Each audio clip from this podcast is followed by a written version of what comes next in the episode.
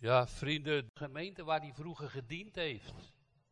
Brieven, soms vanuit de gevangenis of van andere plaatsen. Die brieven hebben wij ook en dat, dat zijn prachtige woorden. Dat zijn brieven die hij opgeschreven heeft onder leiding van de Heilige Geest. Die voor ons ook nog zoveel nut en zoveel lering kunnen hebben. Hij schrijft die brief met een bedoeling. Echt een bedoeling voor deze groep mensen.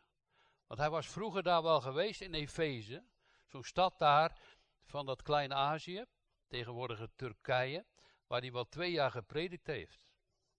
En daar was een gemeente ontstaan en er waren grote wonderen geschied. En dan wil ik u noemen dat in die tijd toen hij daar was, daar waren zeven zonen van ene Scheva, die waren eigenlijk uit het Jood, Jodendom. En die trokken van plaats tot plaats, die zeven zonen, en het waren duivelsbezweerders. En die duivelsbezweerders, die waren daar ook gekomen in Efeze. En daar hebben ze dus, waar een bezeten man was, in de naam van Jezus, terwijl ze niet in Jezus geloofden, en ook niet de volmacht hadden, maar dachten wel de macht te hebben, hebben ze dus die boze geesten willen uitdrijven in de naam van Jezus en ook in de naam van Paulus. Daar roept die boze geest, die hun de kleren van het lijf getrokken heeft. Jezus ken ik. En Paulus weet ik. Maar wie zijn jullie? Laten we er erg in hebben dat vandaag aan de dag in de eindtijd, zoals de Heilige Schrift zegt, vele valse profeten zullen opstaan. Die menen wel een macht te hebben, maar ze hebben niet de volmacht. Een macht zonder volmacht is roof. Dan ben je niet aangesteld. Je, je, bedoelt jezelf. Je hebt niet het plan van God. Je hoort niet bij dat koninkrijk van God. Ja, volmacht zonder macht is ook irreëel. Dat, daar heb je ook niks aan.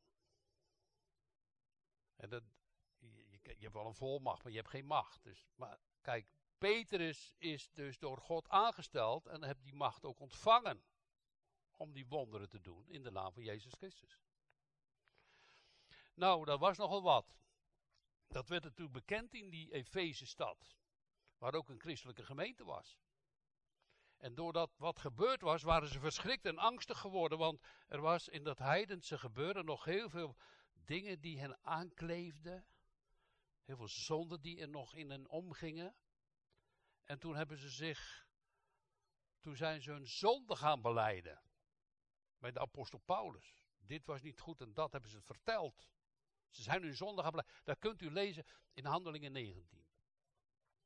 Ze waren angstig, zijn hun zonde gaan beleiden en hebben de toverboeken uit hun huizen verzameld, wat niet goed was, en die zijn verbrand. En die toverboeken boeken die verbrand zijn, dat liep in de duizenden euro's voor ons. Precies kan ik het niet, eh, dus dat, dat zijn getallen, maar dat is natuurlijk een andere munteenheid. Duizenden euro's werden verbrand, al die boeken werden verbrand. En er ontstond genade en er stond kracht, er stond zegen in de gemeente. En, en dan na een, langere poos schrijft dus die apostel Paulus naar die gemeente. En hij weet hoe de boze machten en krachten van weleer, van toen, zo makkelijk terugkomen bij mensen, ook bij ons. Zo gemakkelijk komen die aanvallen van de boze, die laat ons, ons zomaar niet gaan in de vreze gods. We worden vaak zo aangevallen. En vandaar dat hij op deze manier, wat u is voorgelezen door de ouderling, deze brief gaat schrijven. Hij begint heel mooi. Hij zegt, ik heb van jullie gehoord, zegt de apostel Paulus, van jullie geloof in de Heer Jezus en de liefde voor elkaar ik heb gehoord dat jullie gelovige mensen zijn en dat je van elkaar houdt. We hebben vanmorgen nog even gezegd dit. En dat, dat, dat, daar moeten we dus ook, ook aan, aan werken als, als je al werken wil hoor. We hebben het werken, dat is, hoeven we vaak niet te doen, denken maar toch is er wel een goed werk. Kijk, en, en ik wil u dat zeggen dat uh, zo mooi als onze gemeente voor Hem vruchtbaar is. Weet je waar de vrucht weggaat? Als er oneenigheid en boosheid en wrevel, geroddel en gedoe onder elkaar ontstaat, dan komt er geen vrucht. Nou, daar roep ik u niet mee op om allemaal hetzelfde te denken, om allemaal dezelfde mensen te zijn, maar wel te kijken samen naar de Heer Jezus, de Zoon van God, die de bron van het leven is, de bron van liefde, waar Paulus van gezegd heeft, door de kracht van de Heilige Geest, hebben jullie de Heer Jezus lief, maar ook elkaar. En er komt vrucht. Geweldig. Heel belangrijk. Niet vergeten. Moeten we soms herhalen bij onszelf. Moeten we soms ook terugkoppelen naar onszelf. Waar het fout ging, ook weer vergeving leren vragen aan elkaar. En aan God te beleiden. En alle boze dingen uit je huis wegdoen. En dan gaat de, heer, de, de apostel voor hen danken. Dank u wel, Heer, dat u zo gewerkt hebt onder die mensen in Efeze. Ik was daar wel als een pionnetje, als het slijk aan uw vingers. Maar u hebt daar wonderen gedaan, Heer. Dank u wel. Hij dankt God over die mensen en hij bidt voor hen. Want hij weet, die aanvallen komen terug. Van vroeger. Misschien zomaar in je gedachten. Was je vroeger boeddhist, dat valt je weer aan. Was je vroeger daar bij een verkeerde situatie of bij een valse profeet, het valt je weer aan. Dat is echt zo. Dat is ook op uh, de onreinheid van het leven. Ik, ik ga een, een, voorbeeld geven. Uh, stel dat er onder ons zijn die verslaafd zijn aan de pornografie, maar daarvan verlost zijn. Nou, de duivel weet heus wel beelden voor je aangezicht te schilderen, dat je dus weer verleid wordt, toch? Heel makkelijk. Druk je op de knop en dan zit je weer en je bent onvruchtbaar. Toch? Het leven als christen is toch ook een strijd? Is toch ook een volharden, een volharding? Is toch ook een toekomst van Jezus Christus? Dat toch? Dus al die aanvallen en die boosheden en wat er allemaal in de wereld gebeurt. Ja, zeggen de mensen ook wel. Ja, ik, net als onze, onze Tim, hè, die, die, onderzoekt ook heel veel dingen. En anderen ook, Cleo ook. En, en, maar dat doe ik ook wel. En, maar je wordt, zou er depressief van worden hè, als je dat allemaal waar gaat nemen. Wat ze allemaal van plan zijn en wat ze allemaal doen in de wereld. Je zou helemaal negatief en pessimisme over je heen krijgen. Maar Jezus zegt een heel mooi woord daarover. Hij zegt, als je nu al die dingen waarneemt, die beschreven staan in de openbaringen in het bijzonder, houd er dan rekening mee dat de tijd nabij is, dan kom ik terug. Dus laat ze maar versnellen dan. Dan komt hij terug op de wolken. En elk oog zal hem zien. Want bij hem is de toekomst. En daar gaat het bij Paulus juist ook om. Bij hem is de macht en de toekomst. En als die boze machten terugkomen, daarom bidt hij ook, hij dankt God en hij bidt dat jullie krijgen verlichte ogen van verstand welke macht Jezus heeft. Een volmacht. Hij is gevolmachtigde Here. Want hij is gezalfd. De Christus. Zoals Petrus ook gezalfd is. Om de naam van God te prediken uitgezonden is. Niet zomaar gezalfd. Een volmacht van God. Dat is belangrijk. Geen roof. Geen afbraak. Die boze machten hebben ook macht, toch?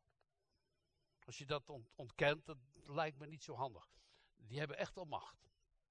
Proberen binnen te sluipen in je hart, in je geest, in je huis, in de kerk waar je samenkomt, die boze machten proberen stuk te maken. De diabolus genoemd, hè? De, de, de wrevel en het tegen elkaar opzetten, dat. Dat moeten we, dat moeten, we weten. Daarom bidt Paulus voor verlichte ogen van verstand. Dat je dus nagedenken, dat je het echt weet, verlicht de ogen van verstand over wie hij is. Daar gaat het over. Kijk maar. Want hij zegt, verlicht de ogen van verstand om te weten wat de hoop van zijn roeping is. Van zijn plan. Van zijn koninkrijk. En dat mag je weten. En hoor ik daar ook bij. Bij welke macht hoor ik? Bij die macht van die boze machten, waar ik helemaal zomaar overroeld word en meegezogen word? Of ben ik verlost en getrokken door zijn liefde en door de Heilige Geest? En mag ik bij hem horen en hem aanbidden? Dat is de wens van ons. En dat is het eeuwige koninkrijk. En daarom heb ik even aangehaald van die zonen van Seba. Die ook wel macht dachten te hebben. En misschien ook wel duivels hebben uitgedreven. Maar ze hoorden helemaal niet bij God. Kijk, uh, als God wonderen doet, wat doen wij daar dan mee? Met die negen melaatse, nou, ik ben weer mooi genezen, alles is weer mooi en in orde. Of met die ene Samaritaan teruggaan en God gaan danken en loven en prijzen. Want hij heeft veel meer als alleen die genezing. Hij geeft de erfenis van het koninkrijk van God. Deelt hij uit van eeuwig leven, van toekomst. En daar hebben we mee te handelen. In de medici. Hebben we mee te handelen voor onszelf, bij het ouder worden. Voor alle plannen die ze maken in de wereld. O God, uw toekomst. Spreek dat nog voor mij. Geven wij dat nog door? Is dat nog relevant? En dat, daarom zegt hij, om, uh, uh, opdat u God, de God, onze Heer Jezus Christus, de Vader van de heerlijkheid, u geeft van wijsheid en openbaring geeft in het kennen van Hem. Namelijk verlichte ogen van verstand om te weten wat de hoop van zijn roeping is. En de rijkdom van zijn heerlijkheid en van zijn erfenis in de heilige. Ja, dat, dat, dat is geweldig. Die erfenis, die kwam maar niet zomaar. Want als Jezus hier een bruid verzamelt op de wereld uit alle mensen, natie, tongen, en ook in een ude en bij u, dan heeft hij daarvoor betaald. Want hij ging dood. Een erfenis is sterk in de doden. Want ja, ik sta bijvoorbeeld de boek, dat is niet zo, maar stel, bij een rijke oom die mij een grote erfenis wil geven. Maar als hij nog leeft, ja, dan heb ik geen erfenis. Maar Jezus is gestorven. Die erfenis ligt klaar. Die hebben wij al. Die mogen we al ontvangen in het geloof. Dat is al zo allemaal voor hem en voor die Efezers klaargelegd. En wat de alles overtreffende grootte van zijn kracht is aan ons die geloven, overeenkomstig de werking van zijn macht. Daarom, uh, ik heb u net al gezegd, Jezus was door zijn vader gevolmachtigde. De hij had dus autoriteit. Was niet zomaar iets. Het, het, het was niet, niet, niet zomaar uit de lucht gegrepen. Maar het is werkelijk het plan van God geweest. En daarom hebben wij. Ja, en, dat mag ons gebed. We hoeven niet te zeggen, oh, wij zijn allemaal de goede en wij weten het allemaal wel. Ja, ik zeg u, Jezus weet het allemaal wel. Hij is echt de goede. Maar laten wij ook bidden om de geest van onderscheiding, opdat we niet weggetoverd zullen worden met alle wind van leer en leringen van mensen, maar dat we mogen blijven, de autoriteit en de volmacht hebben wij hier in het woord van God. Er staat geschreven.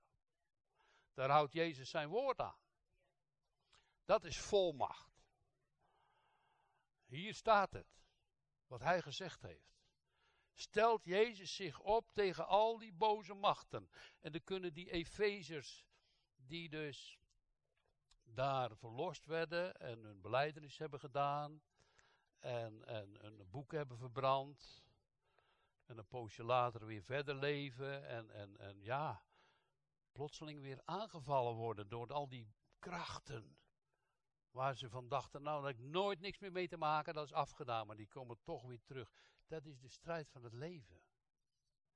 Ik hoop dat ik hier niet abacadabra spreek voor u, maar dat u dat ervaart in uw eigen leven. Bij mijn leven in ieder geval wel. En dan, en, dan, uh, en, en dan meegezogen weer te worden, weet je? Zo kan het zomaar makkelijk gaan. En daarom zegt Jezus, Paulus door Jezus heen, ik heb alle macht. Stoppen jullie met bang te zijn? Dat is ook echt aan de hand, hè, vandaag de dag. Dat mensen tegen elkaar opgezet worden om maar bang te worden en tegen boosheid tegen elkaar. En zeggen, ja, oh ja, over inent of niet inent, of over Oekraïne of dat niet, of Poetin of wel. Mensen tegenover elkaar te zetten. Geen gesprek meer mogelijk. Verschrikkelijk toch? Geen andere mening te mogen hebben en dan gelijk al krijg je een sticker op je hoofd gedrukt.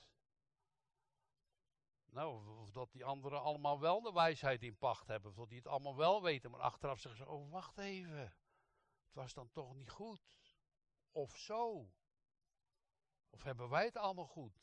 U, Heer Jezus, hebt het altijd goed. Altijd. Daarom, omdat onze ogen verlicht worden en ons verstand verlicht worden, dat ik Hem gaat zien, wat Hij gedaan heeft. Zijn schoonheid, zijn power, zijn kracht, zijn liefde. Hoe Hij de gemeente bijeen verzamelt en bewaart en behoedt. Nou, de gemeente in stand houden, ik denk dat kunnen de ouderlingen niet en dat kan ik niet. Maar doet u het, Heer Jezus, voor ons? Koning van de kerk. Staat hier echt, hè? Want hij uh, zegt dat hij gegeven is aan de gemeente. Vorige keer toch ook gezegd. Dat uh, is niet de kerk van mij toch, maar van Jezus Christus. Dan komt u naar de kerk van Jezus Christus toch. Vorige keer ook genoemd. Dat is heel belangrijk. Waarom? Ja, ik ga voorbij. Hij niet. Hij houdt zijn woord in stand. Hij kent uw hart. Hij alleen kan u de vergeving van zonde vergeven. Want als er gesproken wordt van alle macht, ja, daar hebben de Joden wel van gezegd. Wie is deze? Dat hij de zonde vergeeft? Jezus. En Jezus zegt, de Zoon des Mensen heeft macht om de zonde te vergeven hier op de aarde. Omdat hij God is. Dat. Dat doet geen priester, dat doet geen pastoor, dat doet de paus niet met zijn uh, absolutie niet. Wij waren in Rotterdam en toen hebben we geëvangeliseerd met andere predikers erbij, onder de prostituees. En die kwamen uit Zuid-Amerika. En, en, en we gingen met die mensen een beetje huilen, want ze werden verkochten hun lichaam voor geld. En met dat beetje geld gingen ze weer terug naar de familie. En dan konden ze weer een paar maanden van leven in armoede. En we hebben met ze gehuild en gezegd: stop ermee alstublieft. Met die prostituee. En, en, en, en toen zeiden ze: ja, maar dan gaan wij terug, want het is katholiek gebied, hè, dat Zuid, uh, Zuid-Amerika. En dan gaan wij terug. Dan gaan we naar de pastoor en naar de priester. En die geeft ons de absolutie, uh, de vergeving. Dank je de koekoek. Kan die niet. Geen mens. Jezus heeft alle macht in de hemel. Staat hier, hè? Weet u dat u, weet u dat u ook macht heeft? Dat staat nou in Johannes 1, vers 16. Johannes 1, vers 16 zegt dat die in hem gelooft. 1, vers 12. Zoveel die hem aangenomen hebben, heeft hij macht gegeven kinderen van God te worden. Namelijk die in zijn naam geloven. Nou, en dan heb je een toekomst hoor. Is misschien lastig leven, moeilijk leven, pijnlijk leven, verdriet. Maar er komt een toekomst hè. Een heerlijke toekomst die ik u niet kan uitbeelden. Uh, waar ik wel naar verlang en ik hoop u ook. En als je ouder wordt, dat je die toekomst mag hebben. In pijn en verdriet. En dat je zegt, nou, dat oude, die oude machten en die oude angsten in mijn leven. Oh God, dat ik u mag zien verlichte ogen van verstand. Dat die power van die onmacht, van die machten zonder volmacht, uit mijn leven weggaan. Dat was mijn plan om u te vertellen deze morgen.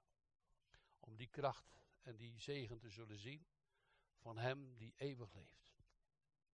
Want hij zegt dat, uh, Paulus zegt het, hè, die hij gewerkt heeft in Christus. God heeft het gewerkt in Christus als de gevolmachtigde toen hij hem uit de doden opwekte. Paulus heeft voortdurend, toen hij tot geloof en bekering kwam, dat was in uh, Damascus, gepredikt over Jezus. Maar niet alleen over Jezus zo, maar hij is opgestaan. Hij leeft. Alle kracht en macht is in hem volmaakt. Hoofd van de gemeente. Het loopt ook de Heer Jezus in deze boze wereld met alle plannen die ze maken niet uit de hand. En dat moet je ook gewoon tegen jezelf wel zeggen. En denk je, jongen, jongen, wat gaan ze nou weer doen?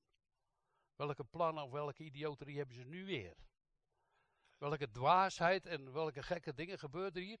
Uh, dadelijk voor armen of angst of dingen die op je afkomen of oorlog of noem maar op. Het loopt Jezus niet uit de hand, want hij heeft een plan en ik doorgrond en kent het niet en ziet het niet, maar ik weet wel dat het goed komt. En daar hopen we en bidden we om. En dat hoop ik voor u ook. Dat u die toekomst mag ervaren in het perspectief van uw leven, het uitzicht dus van uw leven. Maar dat u weet, er is een macht die mij dat geeft. Een macht die mij onderhoudt in het geloven. Een macht die mij voorkomt, de naam van Jezus Christus. Van Hem is de gemeente, van Hem is het leven, van Hem is de toekomst, die mij lief heeft.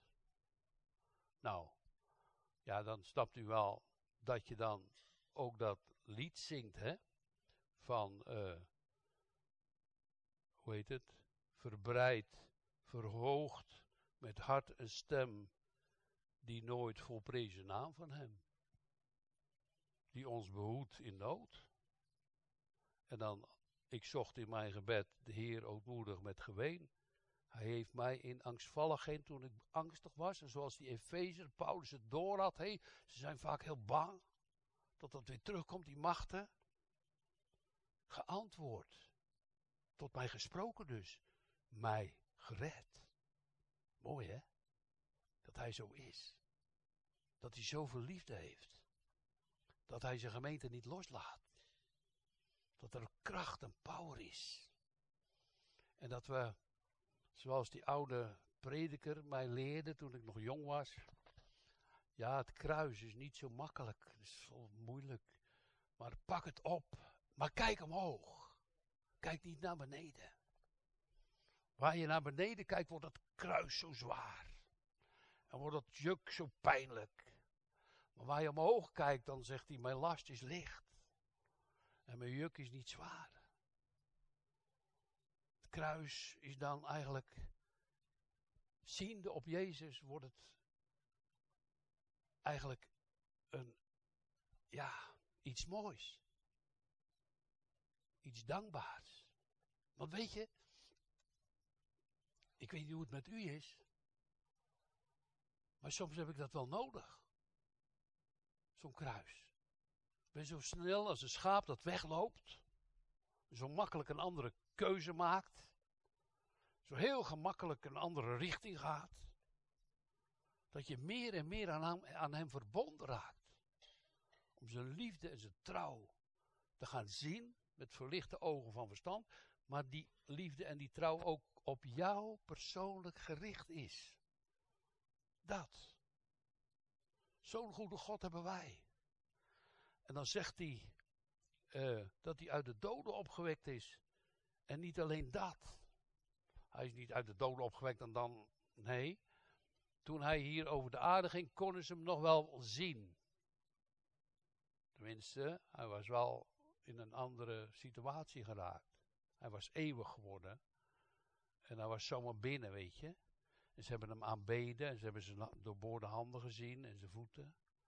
Maar als je hem nu zou zien, verheerlijkt, dat hij met zijn eigen bloed de hemelen doorgegaan is als het offerlam, dat de zonde van de wereld weggedragen heeft. Ja, in onze situatie val je dood aan zijn voeten neer. Met Johannes uit Openbaring 1. Je valt dood aan zijn voeten neer. Zo groot en majestueus is hij. En, en, en dan als je hem kent en als je in hem geloven mag, hij raapt je op hoor. Jij bent toch voor mij, ik heb voor jou betaald. En die boze macht, die geen volmacht hebben, die zeggen, oh, het is allemaal leugen. Klopt niet. Maar wij prediken Christus. De opgestane. Die aan de rechterhand van God zit. Die ook voor ons bidt. Die met zijn hoge priestelijke macht en kracht ons zegent. Biddend. Oh, dat gaat niet goed met die man. Hij had het al voorzien. Heb u dat ook in uw leven, dat dingen voorzien worden? Mooi hè? Iets wordt voorzien. Er is al een plan, had ik niet gedacht. Dat je die wijsheid mag hebben van Hem. Het doorzicht. Ja. Dus zo zit Jezus aan de rechterhand van God. En dan komt het. In de hemelse gewesten. Ver boven alle overheid. Dus de overheid van ons ook. Toen van de Romeinen. Alle overheid. Ook van Amerika en Poetin. Oh, ver boven. En macht. En kracht. En heerschappij. En daar wordt natuurlijk mee bedoeld die heerschappij en die kracht en die macht van die boze machten en overheden. Macht in de lucht die ons aanvallen. Waar hij zijn power en macht tegenover stelt. En, en wat overwint de wereld? deze wereld van macht en kracht en heerschappij. Uw geloof, zegt Johannes. Hij zegt ons geloof. Maar ik mag het nou persoonlijk maken. Uw geloof overwint dit. Nou, dat, als, als u daarvan getuigen mag en mag zeggen ja, dankjewel God, want dat geeft u mij nu. Ik denk dat dat ook voortdurend een gave moet blijven, want soms raak je wel beetje verstrikt of zo, dat je er weer uit moet. Dan mag ik u wel danken. Als u mij dat geeft. Dan ben ik niet zomaar een christen. Maar dan ben ik een christen geworden zonder dat ik iets voor u deed. Waar de gelaten brief over schrijft. Zonder de werken van God. Zalig te worden. Uitgenade. Naar de belofte van Isaac. En niet naar de werken van Ismaël. Ontvangen. Die reiniging door het bloed. Naar het plan van God. Waar wij aanbieden. En een heerlijke toekomst ons tegemoet ziet. Van Hem. Die eeuwig leeft. Hoe, hoe blij kan je al worden in zo'n miserige, koude voorjaarstijd als zo vandaag de zon zo heerlijk schijnt. Hoe mooi is het al? Hoe mooi moet het wel niet zijn als Hij ons verlichte ogen van verstand geeft en wij de zon van de gerechtigheid gaan zien, schijnend in onze harten. En amen zeggen, Hij is het. Hij heeft alle macht in de hemel en op aarde. U wil ik dienen, bij U wil ik blijven. U wil ik verhogen. Uw naam wil ik verbreiden in deze wereld. Tot glorie van U en de heerlijkheid van Uw naam. Om zo door de apostel Paulus, ook vanmorgen, in alle aanvallen die wij kunnen hebben, de een meer, de ander minder. Je kan er misschien wel helemaal geen last van hebben, maar er kunnen er ook bij zijn vanmorgen die zeggen, ja, ja, ik weet het wel. Maar die dan gaan zien, o God, u hebt alle macht en u geeft heerlijke beloften. U geeft een heerlijke naam. Ver boven alle overheid en macht en kracht en heerschappij. En ook over elke naam is hij de machtige. Elke naam die genoemd wordt. Niet alleen in deze wereld, maar ook in de toekomst. Van boze machten. Als u dat leest, hè. Openbaring 13. Komt een beeld. Een beeld wordt gemaakt. Het beeld wordt macht gegeven. Het beeld gaat spreken. Of het een robot is of wat anders, staat in openbaring 13. Twee beelden. Eerst van één beeld van wereldse heerschappij.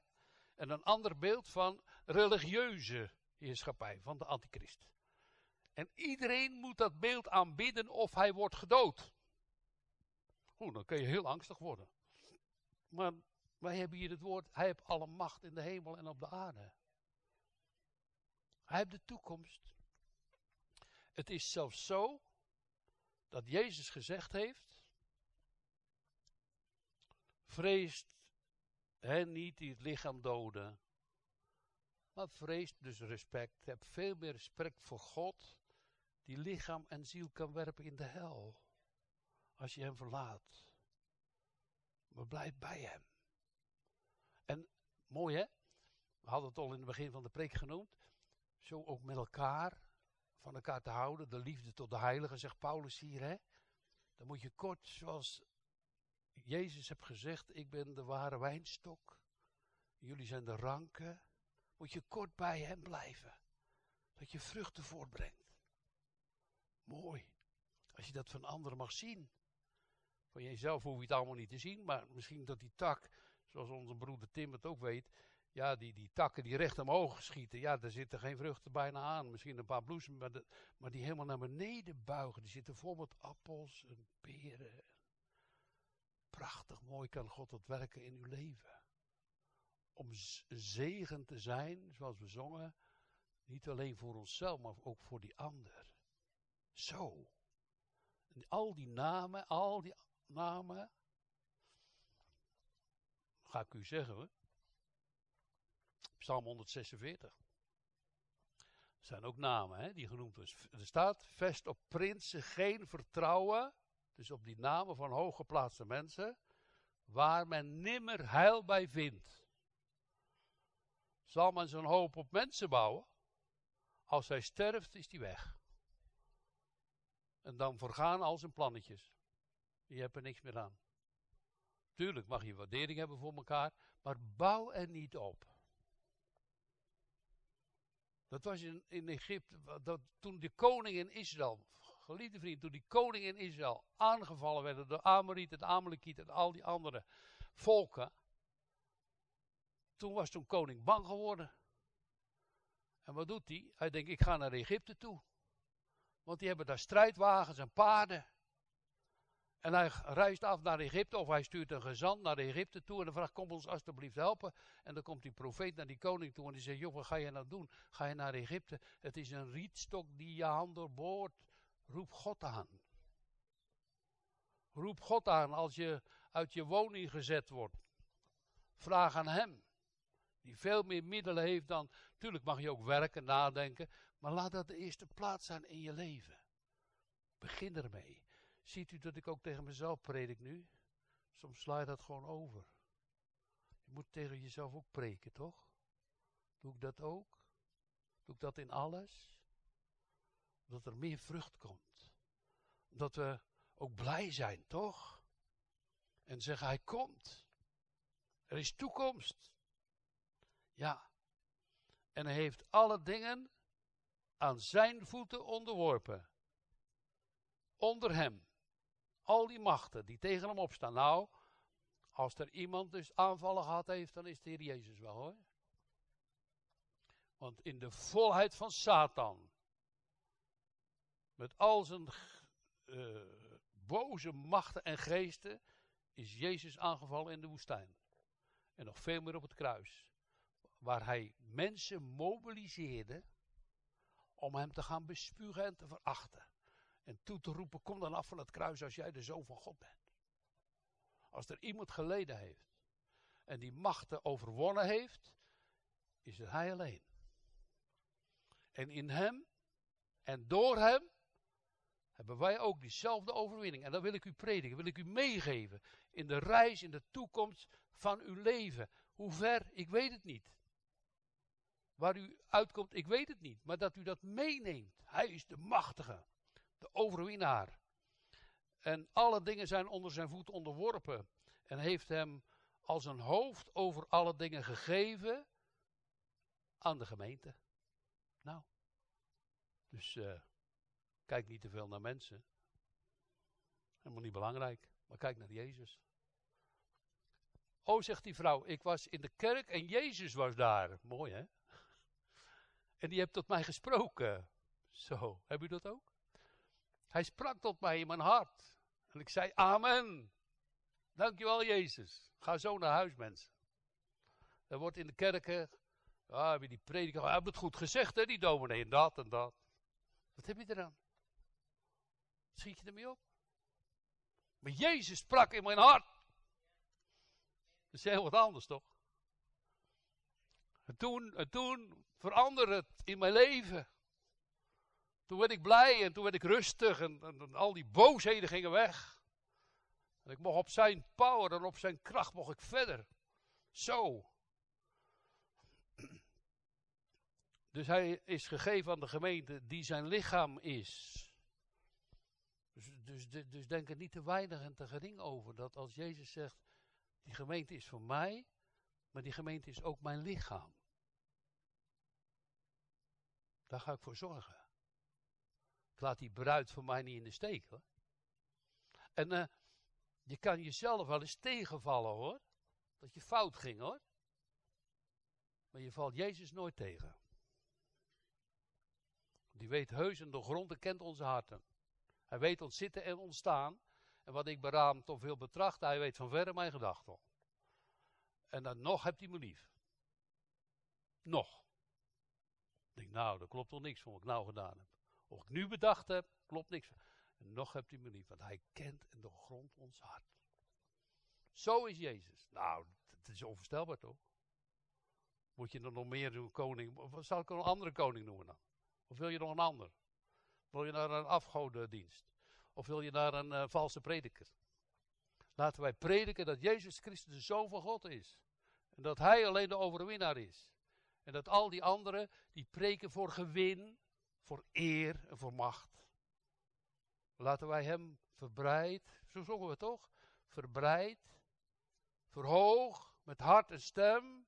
Mag ik het doen? Doet u mee? De nooit volprezen naam van Hem. Zo gaat het om zijn eer, om zijn kracht. Die zijn lichaam is en de vervulling van hem, die alles in alles, in allen vervult. Het wordt één herder, waar u dan ook maar vandaan komt, uit welk eh, deel van de wereld, één herder en één kudde. In Oekraïne, Cambodja, waar komt u vandaan? Maakt niet uit. Eén herder, één kudde. Geloof in Jezus Christus en gij zult zalig worden. Amen.